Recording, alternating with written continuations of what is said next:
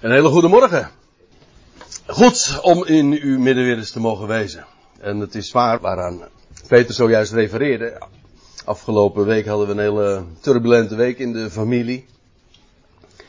Mijn moeder overleed vorige week zondag, vroeg in de ochtend. Op 87-jarige leeftijd, een hele gezegende leeftijd. De laatste jaren waren erg moeizaam. Ze was dementerend. En in die zin was het ook wel een verlossing dat ze de laatste adem uitblies. En bovendien, ja, het was, uh, en dat heeft gisteren ook duidelijk mogen klinken, van alle kanten.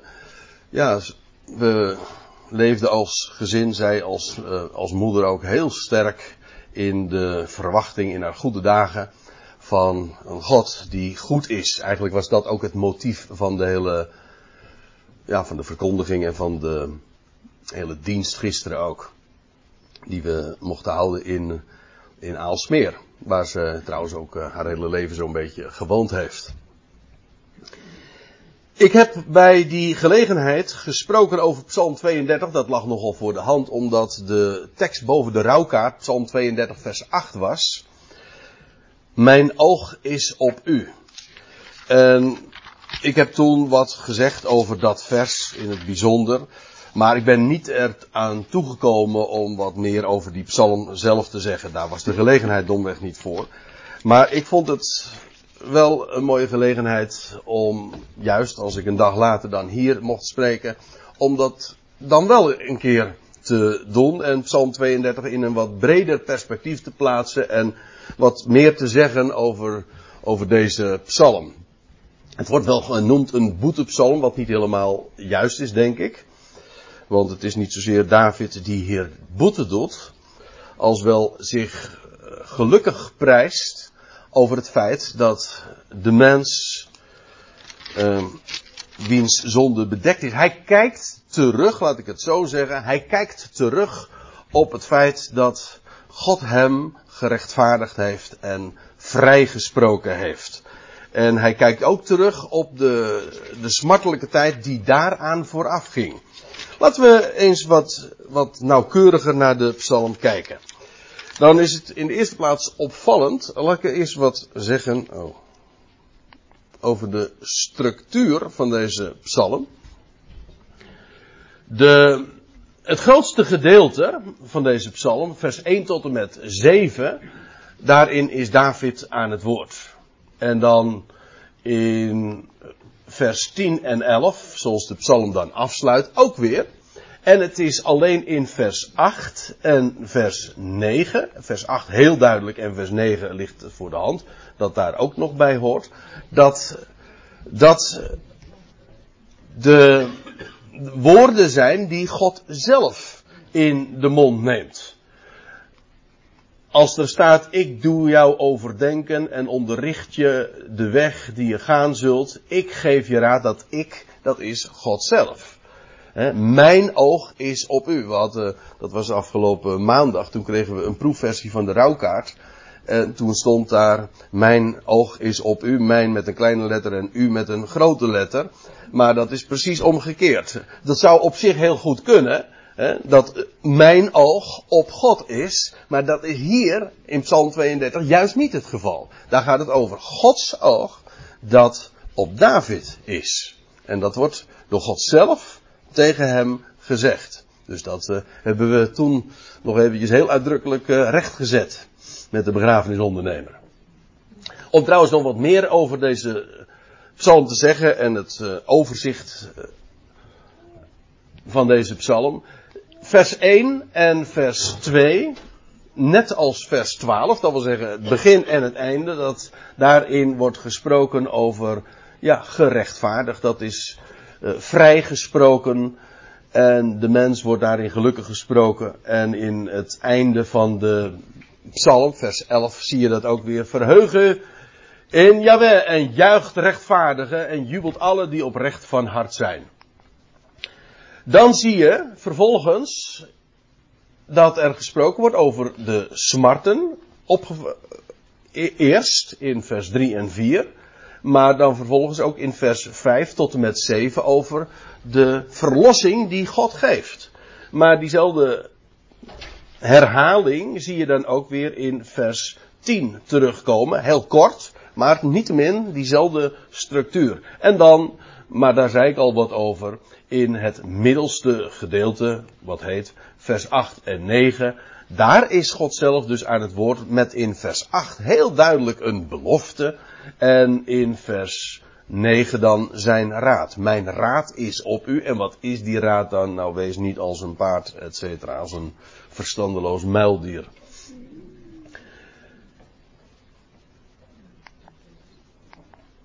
Nou, laten we, nu we de psalm zo in zijn geheel hebben bezien, eens wat nauwkeuriger naar de onderdelen kijken. Ik wil gewoon de hele psalm zo, dat moet toch lukken, eens gewoon wat eenvoudig doorbladeren en op een aantal dingen u opmerkzaam maken.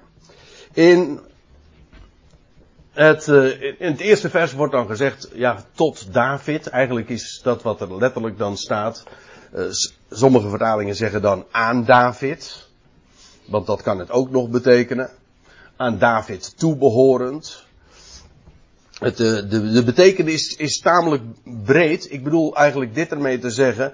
Het hoeft niet per se te betekenen dat David daarmee dus ook de componist is, of de schrijver van die psalm. Het kan ook betekenen dat het aan David opgedragen zou zijn. Uh, omdat die betekenis wat breder is, hebben, heeft bijvoorbeeld de Concordant Version dit ook vertaald met Davidisch. Dat wil zeggen, de psalm is op een of andere manier gerelateerd aan, eh, of toebehorend aan David. In welke zin dan ook. Davidisch. Maar ik moet erbij zeggen, aan de andere kant, in dit geval is het uh, wel heel duidelijk dat Psalm 32 ook wel degelijk ook aan David toegeschreven kan worden. In die zin dat hij de schrijver was. Want dat zegt uh, Romeinen 4 vers 6 heel duidelijk dat Paulus dan die psalm aanhaalt. In Romeinen 4. En dan zegt hij gelijk ook David, de mens, gelukkig spreekt. En dan citeert hij uit deze psalm. Dus het is David wel degelijk die dit ook geschreven heeft. Het is een leerdicht, staat er. In het Hebreeuws heet dat een mashkil. En voor sommigen misschien een bekende uitdrukking. Nou ja, ik denk voor de meesten eigenlijk niet. Maar uh, een mashkil dat heeft uh, te maken inderdaad met leren, onderwijzen. En dit is de eerste van een dertiental leerdicht psalmen. Waarbij je dus iedere keer als je de aanhef van de psalm leest dat daarboven staat een leerdicht. Dat staat er dertien keer en Psalm 32 is daar de eerste dus van. Het is dus duidelijk ook ter onderwijzing. En dan begint het prachtig met een, ja, een zaligspreking. U weet, ik heb deze, de, de, de vertaling, dat bent u van mij inmiddels wel gewend, dus ik hoef het niet al te uitgebreid meer toe te lichten. Uh, de vertaling is uh, nogal letterlijk, dus wijkt wat af van de NBG of Statenvertaling. Maar uh, de meeste vertalingen zeggen dan zalig, dat is prima als je maar weet wat het betekent, namelijk het betekent gewoon gelukkig. Gelukkig degene wiens overtreding is opgeheven, wiens zonde is bedekt. Zo spreekt David uh, die zalig. In, in Romeinen 4 vers 6, ik citeerde het zojuist al eventjes, dan staat er, gelijk ook David, de mens, zalig of gelukkig spreekt aan wie God gerechtigheid toerekent zonder werken. Dat is heel mooi, zoals Paulus dat dan voor het voetlicht brengt. Wie is gelukkig? Wel, dat is degene die God vertrouwt. In, in Romeinen 4 zet Paulus dat uitgebreid uiteen en dan gaat hij begint trouwens met, uh, met, met uh, Abraham het aan te halen, de geschiedenis dat hij God geloofde, eh, namelijk nadat God hem had beloofd, onvoorwaardelijk, zo zal jouw nageslacht zijn op een, uh, dat hij hem getoond had, de nachtelijke hemel en, en dat hij zoveel sterren zag en God zei tegen die kinderloze Abraham, zo zal jouw nageslacht zijn. En, en dan staat er, en Abraham geloofde God en het werd hem tot gerechtigheid gerekend. En dat betekent dat Abraham voor God een rechtvaardige was. Het wordt heel vaak, uh, dat is een, een kwestie apart, maar ik denk dat het toch goed is om dat even te memoreren. Uh, het wordt heel vaak zo opgevat dat, dat gerechtigheid toerekenen alsof er iets van de ene rekening overgeschreven wordt uh, op de andere rekening. Iets administratief. Maar dat is niet de gedachte. Zo van, uh, jij hebt het niet, maar ik, uh, doordat je nu gelooft, reken ik jou dit toe. tel ik het zo voortaan dat jij rechtvaardig bent.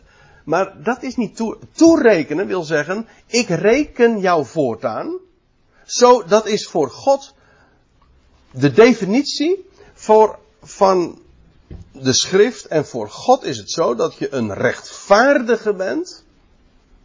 Wanneer je hem gelooft, vertrouwt. Dat, dat is maar niet bij wijze van.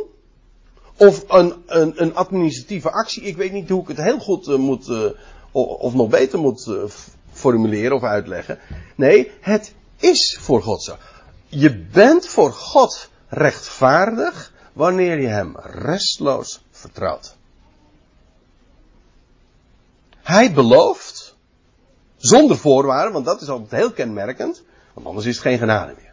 Nee, je gelooft God, je beaamt wat Hij zegt, en dan ben je rechtvaardig.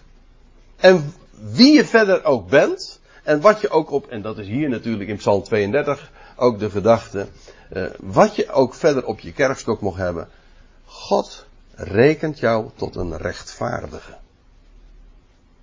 Dan ben je ook, zo bedoel ik het, in de rechte verhouding tot God. Dat is het enige wat telt. En laten we wel wezen. Dat is eigenlijk niet zo moeilijk te begrijpen. Dat is in de gewone verhoudingen die wij als mensen hebben, uh, toch ook wat telt. Uh, denk maar aan de verhouding die je hebt met, met, met je kind of met, met mensen, met je intimie. Wat is nou uiteindelijk wat telt? Dat, ze, dat degene met, met wie je omgaat, je kind of je vrouw of je man, dat ze perfect zijn? Nee. Dat je elkaar vertrouwt. En als dat vertrouwen er is, dan is het goed. En dat is voor God ook zo. Als je Hem vertrouwt, op wat hij zegt en belooft, wat hij dus allemaal doet. Het is dus geen eis. Dat is namelijk ook, dat is essentieel. God belooft en je vertrouwt hem op wat hij zegt. Dan ben je voor God rechtvaardig. Dan ben je precies daar waar je wezen moet. Dan is eigenlijk alles al gedaan en geregeld. Dan is alles correct. Misschien dat ik er straks nog even terugkom, maar gelukkig degene wiens overtreding is opgeheven, wiens zonde bedekt. Overigens, uh, er is gespeculeerd over de vraag van ja, wat de aanleiding van deze psalm is. En het meest voor de hand liggend uh, in dit geval is dat we zouden denken, uh, als dat David in dit geval denkt aan de, aan wat er ooit heeft plaatsgevonden met Bathsheba. Staat er niet expliciet, dus je kunt het tegenspreken, maar goed, dat, uh, dat is, uh, dat is voor de hand liggend. En er is trouwens nog een reden. Misschien, daar kom ik straks ook nog even op terug bij een volgend vers. Eerst nog even dit, vers 2. Gelukkige mens aan wie Yahweh geen slechtheid rekent en in wiens geest geen bedrog is. Kijk, en, en dat is nou precies weer dat rekenen waar, waar ik zojuist over sprak. God rekent geloof, vertrouwen in Hem tot gerechtigheid. Dat is al vanaf het boek Genesis het geval. Vanaf den beginnen. Dat is wat voor God telt. Geloof, vertrouwen in Hem. Geen werken, geen prestaties, maar Hem vertrouwen. Dat is het enige wat telt.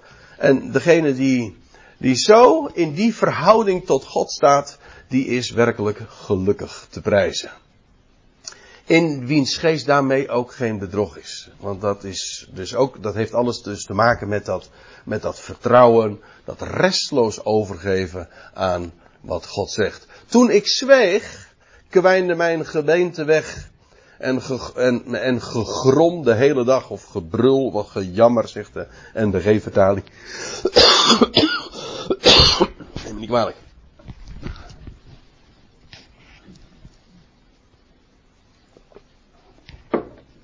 Dat kwam er van de, deze week ook nog eens een keertje bij. Met hoesten en proesten en zo. Kan zo gebeuren. Want toen ik zweeg, kwijnde mijn gebeente weg en gegrom de hele dag. dit, dit laat zich ook heel erg uh, verklaren als we in dit geval ook denken aan de tijd dat David die zonde gepleegd had. Ik bedoel, het is ook de meest uh, voor de hand liggende verklaring daarom. De, de, de zonde had gepleegd met, met Batseba. En maar er is een hele tijd aan voorafgaan voordat Nathan, de profeet Nathan, ik hoop dat u die geschiedenis uh, nog een beetje voor de geest kunt halen, dat die bij hem kwam en, en dat, ja, dat David zeg maar uit de kast moest komen en dat hij moest toegeven, inderdaad, ik heb gezondigd. Maar hij, er is een hele tijd aan vooraf gegaan en dat hij zweeg en dat hij het allemaal ten onder hield. De waarheid niet wilde horen. Wel, zolang hij zweeg, zegt hij nu later, nu erop terugziende. Want toen ik zweeg, kwijnde mijn gebeente weg in gegrom de hele dag. Dat wil zeggen, hij heeft zich in zeer, zeer slechte staat al die tijd uh, bevonden. En kennelijk ook zijn hele, zijn gebeente. Ja, de, dat, uh, dat lijkt soms, uh, tenminste zo wordt die indruk nog wel eens keer gewekt alsof dat een moderne uitvinding is, dat wij uh, nu de relatie zien tussen de psyche en, en, en soma en, de, en, en het lichaam. Maar dat kun je wel vergeten. Uh, nergens wordt dat al duidelijker in de, uh, naar voren gebracht dan al in de schrift. Namelijk dat ja, de relatie tussen, tussen geest en lichaam. Als het met het ene niet goed gaat, dan, dan drukt zich dat ook in het lichaam uit. En dat was bij David ook het geval. Zijn gebeente kwijnde weg. En het was gejammer, gegrom de hele dag. Want dag en nacht drukte uw hand zwaar op hem. Depressie voelde hij. Een uitdrukking trouwens die je nog wel eens vaker vindt in de Bijbel. Uw hand, of Gods hand, die drukt op de mens. Je voelt bij wijze van spreken de, de depressie uh, op, ja, depressie, depressie zou je ook nog kunnen zeggen. Uh, dat is die David ervoer dag en nacht en voortdurend. Want het is namelijk door zulke ervaringen ook, bevindingen, dat David uiteindelijk tot de erkenning moest komen. Want ja, een mens kan horen, maar als hij niet hoort, dan moet hij gaan voelen. En dat zul je ook. En, en David heeft moeten ervaren dat als je nou met je rug naar God toe gaat keren. En als je je van hem vervreemdt, dat kan je doen. God laat je gewoon je gang gaan. Maar om dan vervolgens ook de ervaring op te doen, je kan niet buiten je scheppen. Nooit. Gaat helemaal niet. Kun je proberen. Maar je, je komt nooit van God af. Nooit. En dat is een geweldige waarheid, want ja, God is onze schepper. Hij is onze bedenker. Hij heeft ons lief. We zijn werk van zijn handen. En, dan kom je, en van hem kom je nooit meer af. Waarom? Hij heeft ons lief. Daarom. En, maar die liefde, dat zou je niet zeggen, die liefde die doet zich juist ook gevoelen in pijn.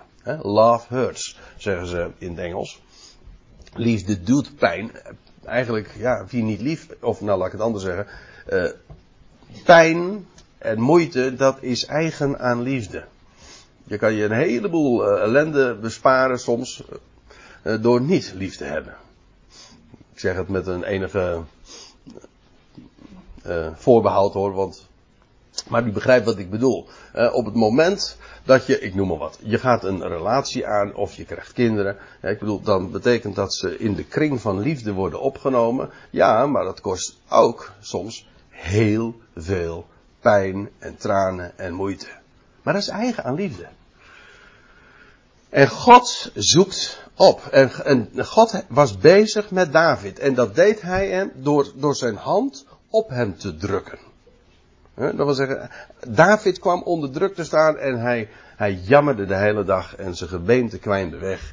En hij zegt, mijn frisheid is gekeerd in zomerse droogte. Dat wil zeggen, eh, een vitale kerel, om het even, eventjes uh, wat, uh, wat alledaagser te zeggen.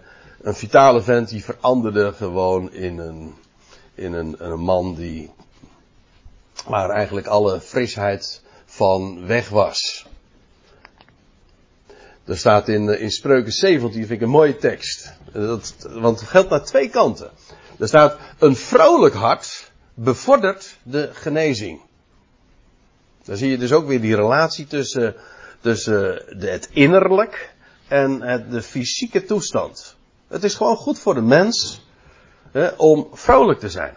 Op een of andere manier ben je daarvoor opgemaakt om, om, om opgewekt, het, leuk hè, om opgewekt door het leven te gaan en om je te richten naar boven. En, maar dat is ook goed, dat is gewoon goed voor je lichaam. In die zin geloof ik heel erg sterk in geloofsgenezing. Dat zeggen, ik geloof dat ge geloof, ik geloof dat geloof in hem een geneeskrachtige werking heeft. Ik bedoel, garandeert geen, uiteraard geen genezing, begrijp ik ook wel. Maar het is heel goed voor je lichamelijk gestel en voor je, voor je welbevinden. Uh, omgekeerd, een verslagen geest, dat doet het gebeente verdorren. Gaat dus niet omkeren en zeggen van nou ja, mijn lichaam uh, verdort, dus uh, dat betekent dat kennelijk mijn geest niet goed is. Nee, het, het is niet omgekeerd, maar het is wel zo dat daar waar de geest verslagen is, daar, dan zal het gebeente verdorren. Die relatie is er gewoon. En trouwens, elke huisarts die zal dit kunnen bevestigen. En dan komt de ommekeer. Dat was een, een rustpunt, hè? dat woordje Sela. Ik kom daar straks nog even op terug, want er zit nog veel meer diepgang in. Maar eh, algemeen wordt aangenomen dat dit een, een, een rustteken is. Een muzikaal rustmoment. Ook een, ook een moment van rust in de tekst. Je leest het voor en hier even stop. Rust. En dan krijg je een ommekeer in vers, wat is het? Vijf. Uh, mijn zonde bekende ik u. En mijn verdorvenheid bedekte ik niet. En dit is het. De grote ommekeer in het leven van David. Nadat zijn, nadat hij zo uh, er slecht aan toe was geweest. Maar nu kwam hij uiteindelijk, ging hij bekennen. Uitkomen, dat is wat het is, voor de waarheid. Als je de waarheid onderdrukt, Goh, ook dit zou je heel psychologisch kunnen benaderen. We doen het niet. We doen, we doen gewoon, ja, we lezen de schrift. Maar dit is zo'n psychologische waarheid. Het is zo belangrijk voor een mens om de waarheid onder ogen te zien. Want je kunt de waarheid wel onderdrukken. Dat kan. Oh. Wat gebeurt er nou?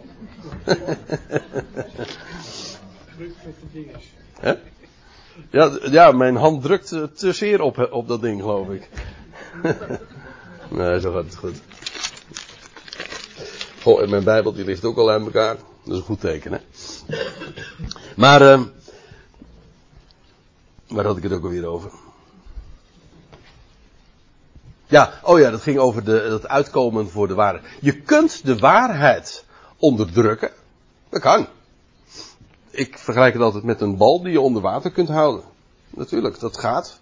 Maar je moet er altijd moeite voor doen, want de natuurlijke neiging van die bal, die komt toch altijd, als je hem loslaat, komt die toch weer naar boven. En dat geldt voor de waarheid in je leven. Als er kunnen feiten zijn die je onder ogen moet zien. En, nou ja, je kunt gewoon je kop in het zand steken, zo heet dat hè, in het gewoon Nederlands. Ja, maar je loopt de waarheid, hè, al gaat de leugen nog zo snel, de waarheid achterhaalt daar altijd. Dat wil zeggen, die zal zich altijd aan je opdringen. En David heeft het onderkend. Mijn zonde bekende ik u. U kent allemaal die geschiedenis. Hoe, uh, waar ik zojuist al even aan refereerde.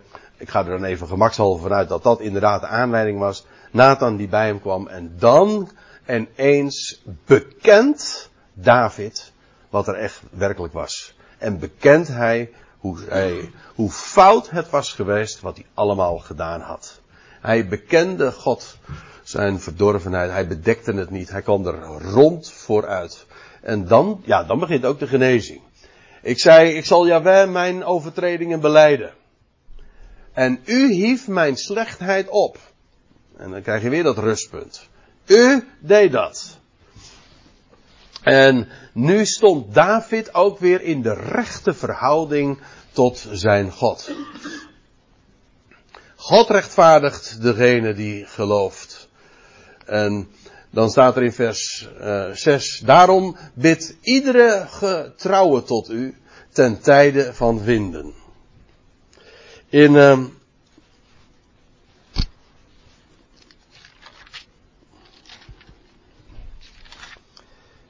in de MBG-vertaling, daar lees je, daarom bidden iedere vrome tot u ten tijde dat gij u laat vinden. Dit is heel bijzonder. Want vanaf van de persoonlijke ervaring die we lazen in de voorafgaande versen, wordt het hier algemener getrokken. iedere getrouwe, iedere vrome. Het woord vrome heeft wat een dubbele klank, dus ik ben er altijd een beetje beschroomd voor om dat te gebruiken. Want niet voor iedereen heeft dat uh, zo'n positieve betekenis. Uh, het is, de, gedachte is die van een, een, iemand die getrouw is. Getrouw, naam betrouwbaar en trouw is aan, zijn, aan het woord van God. Daarom bidt iedere getrouwe tot u. Ziet u dat het hier niet alleen meer gaat over David, maar hij breidt het uit. En het gaat ook over een speciale tijd, ten tijde van vinden. Of zoals de MBG-vertaling zegt, ten tijde dat gij u laat vinden. Maar dit is ook heel profetisch, zal ik u vertellen. Want het gaat dan ook over de tijd dat een getrouw overblijfsel van Israël haar Heer zal vinden. Letterlijk. En de Heer zal zich ook laten vinden. En hij zal zich dan ook aan dat volk openbaren. En het gaat over die tijd ook. Dan staat erbij, zelfs een stortvloed van vele wateren bereiken hem niet. En dan denk je van, waar gaat dit eigenlijk over? Uh, nou heb ik dat in de, de verklaringen zo links en rechts is nagelezen. En allemaal vatten ze dit uh, heel figuurlijk op. En dan wordt het wat lastig. En ik heb het uh, ik vond ze allemaal wat uh, geforceerd. Maar als we nou eens eventjes gewoon dit letterlijk nemen. En dan komen we bij een passage in het boek Openbaring. Je leest over Israël in Openbaring 12. Laten we, laten we er even naartoe gaan. Openbaring 12. Uh, ik ga er even vanuit dat u een klein beetje weet hoe het in elkaar steekt. En zo niet, dan zal ik even heel kort vertellen waar, het over gaat. Je leest daar over een, een, een mannelijke zoon. Als ik mij vraag, dat is Christus. De gemeente die weggerukt wordt tot God en zijn troon. En dan lees je, nadat, nadat de, die wegrukking heeft plaatsgevonden van die mannelijke zoon. Dan staat er, en de vrouw vluchtte naar de woestijn nadat die wegrukking plaatsvond, en dan staat er nog bij, uh, daar wordt zij dan vervolgens uh, eh, 1260 dagen, dat is de tijd van de grote verdrukking, 42 maanden of 3,5 jaar, wordt ze in die woestijn bewaard. Dan staat er dat er Israël uh, naar de woestijn vlucht, dat is de tijd van grote verdrukking, en dan degenen die zich daar bevinden, die hebben daar een onderduikadres. Het is een tijd van enorme benauwdheid. En God bewaart hen daar. Hij voedt ze daar ook. Zoals het trouwens ooit gebeurde met Israël toen ze uit Egypte geleid werden en op weg waren naar het land. Heeft hij ze ook gevoed in de woestijn. Op een goddelijke wijze voorzag hij in alles wat ze nodig hadden. Maar hij bewaarde hen ook. Hij, hij beschermde haar ook. En dat volk straks in de eindtijd zal beschermd worden in de woestijn. En nou, die vrouw, dat is, uh, dan gaat het over Israël, degene die de, dat volk dat de Messias voortbrengt. En de slang, daar, daarvan wordt ook al gezegd, dat is de Satan, dat is de, de duivel, dat is de draak. Hij wordt op allerlei manieren dan ook uh, omschreven. En de slang wierp uit haar bek water achter de vrouw als een stroom om door de stroom te laten, om haar door de stroom te laten meesleuren. En dan staat er, en de aarde kwam de vrouw te hulp, en de aarde opende haar mond en verzwolg de stroom die de draak uit zijn bek had geworpen. Als u nou aan mij vraagt van wat weet jij daarover te vertellen, dan zeg ik niet, niet veel. Behalve dan dat ik me niet aan de indruk onttrek, kan onttrekken dat als Israël straks naar de woestijn vlucht en daar een speciaal onderduikadres heeft, en ik denk dat het alles te maken heeft met de stad Petra, daar in, de, in Jordanië, in de woestijn, daar heeft ze een onderduikadres, maar op een of andere manier zal daar een stortvloed van water, vraag me verder niet uh, hoe, en, maar zoals er staat, ik neem het gewoon, ik, ik zou ook niet weten hoe ik dit werkelijk figuurlijk kan lezen. Dat daar inderdaad een, een, een uh, dat daar uh, wellicht vanwege uh, aanvallen op die vrouw, dat men die plek onder water wil, wil zetten. Ik, ik opper het maar hoor.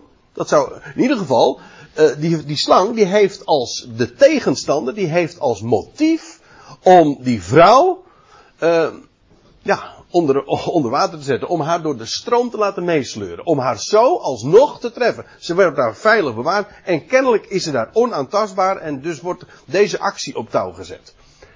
Maar dan lees je, de aarde kwam de vrouw te hulp. En de aarde opende haar mond en verzwolg de zoon. Dat wil zeggen, die vrouw is, die is nog veilig. Er kan haar niks overkomen. Nou, en nou gaan we weer eventjes terug. Daarom biedt iedere getrouwe tot u ten tijde van vinden. Het is profetisch. Zelfs een stortvloed van vele wateren bereiken hem niet.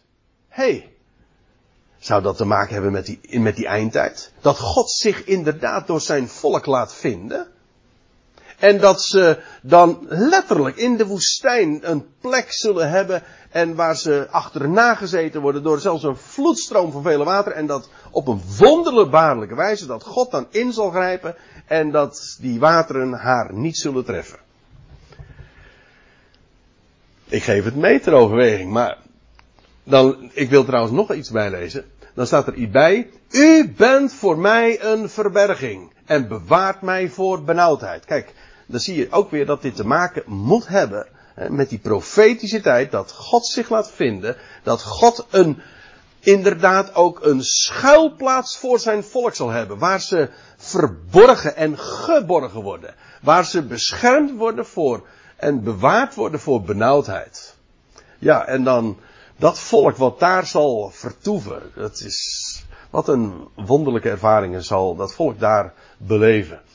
Dan staat erbij, uh, u omringt mij met liederen van verlossing. Kun je je voorstellen?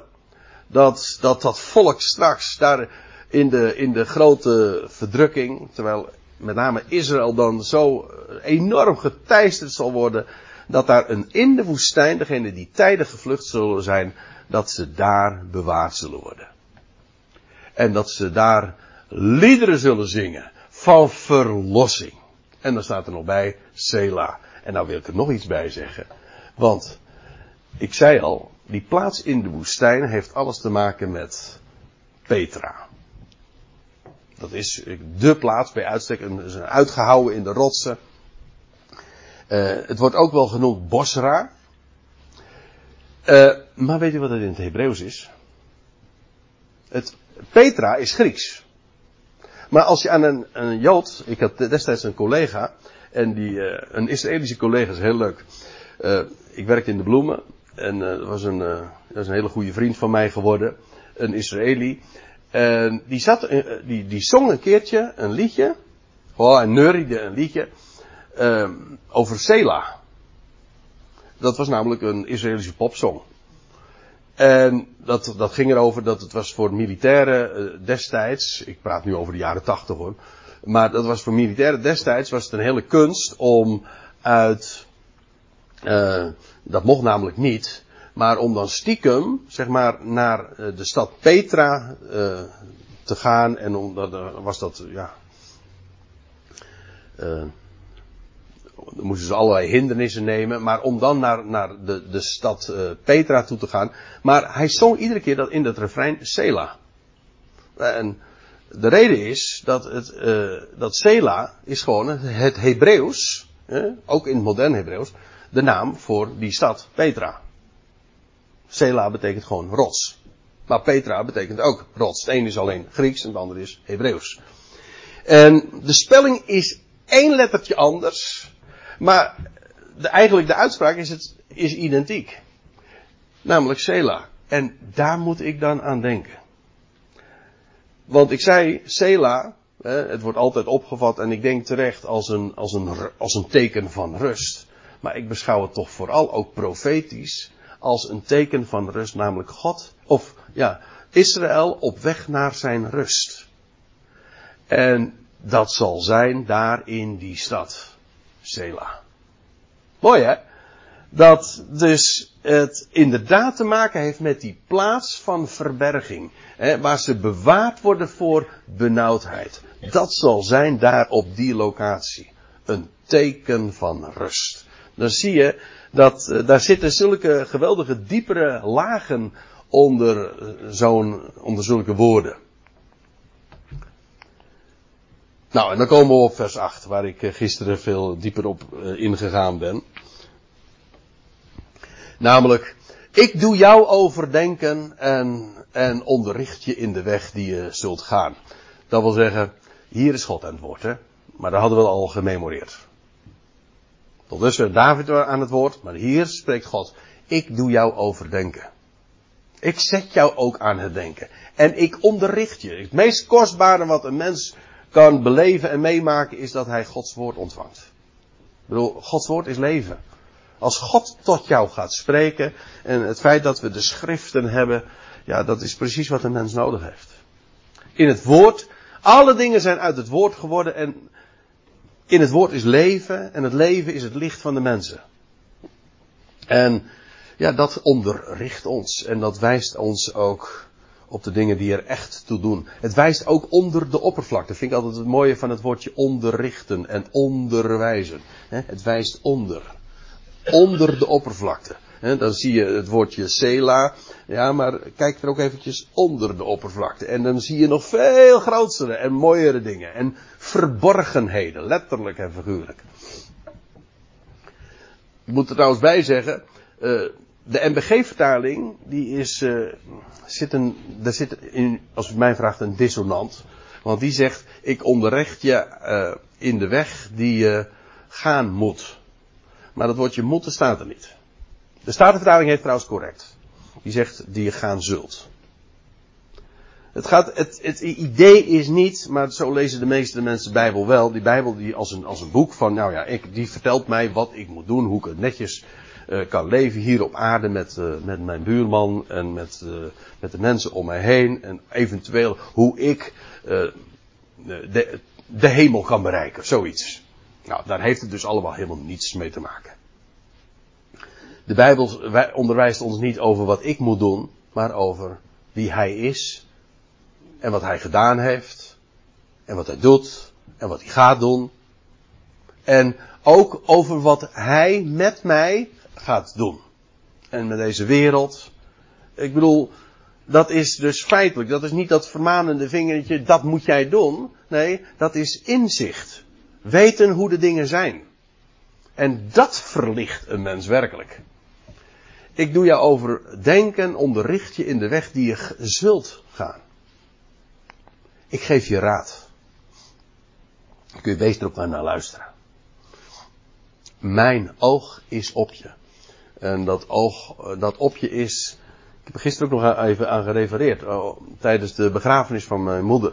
Dat als wij de uitdrukking gebruiken hè, uh, ergens hè, op iemand een oog hebben.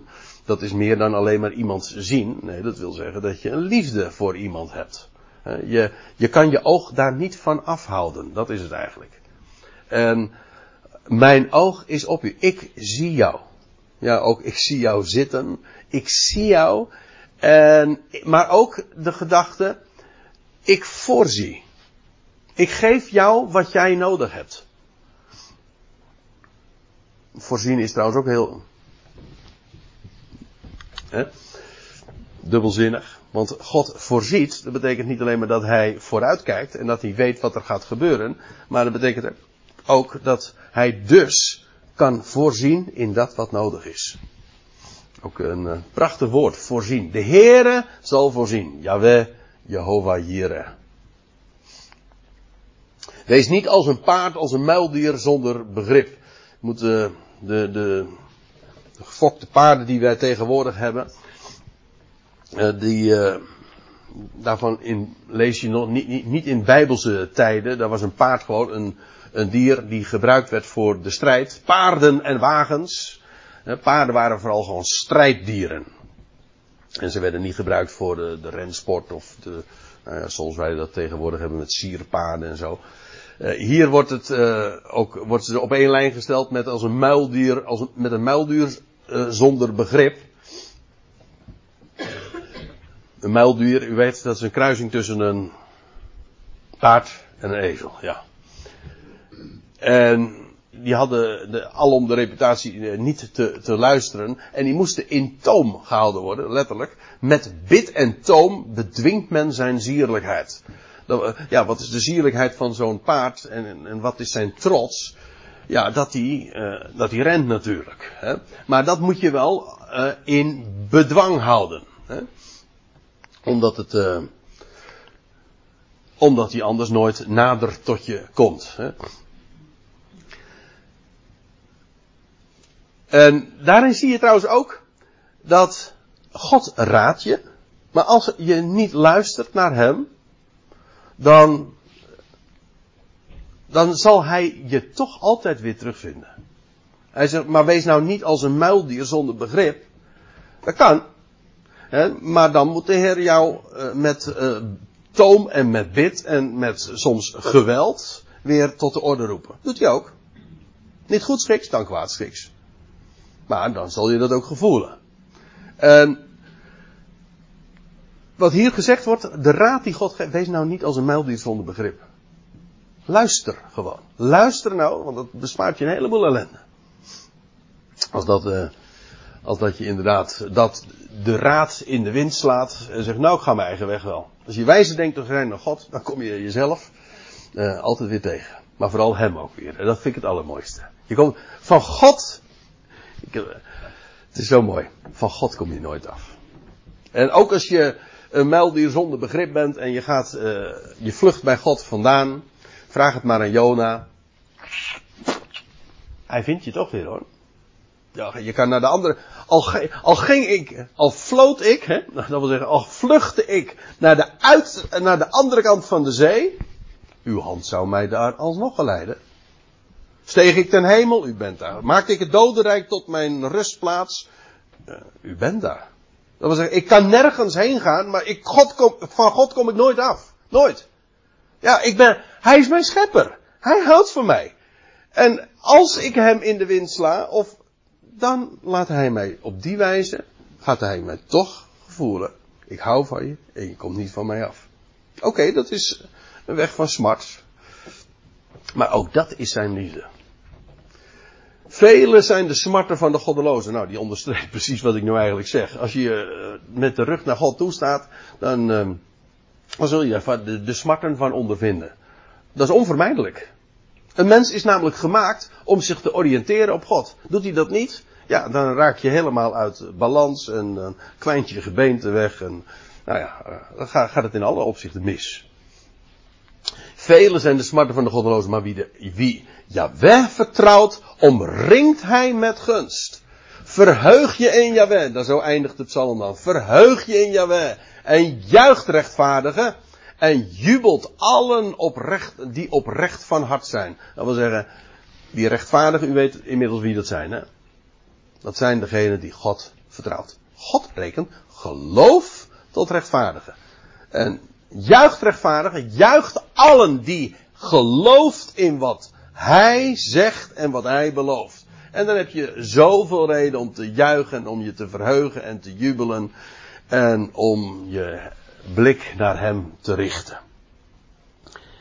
Nou, dat wilde ik vanmorgen heel graag eens met u delen over Psalm 32. Een prachtige psalm. Dat begint met jubel en met geluk en het eindigt er ook weer mee. En het is met recht een leerdicht. Er is zoveel onderwijs en er is veel meer over te zeggen dan ik gedaan heb. Maar dit wilde ik graag toch met u gedeeld hebben. Zullen we met elkaar nog een lied zingen?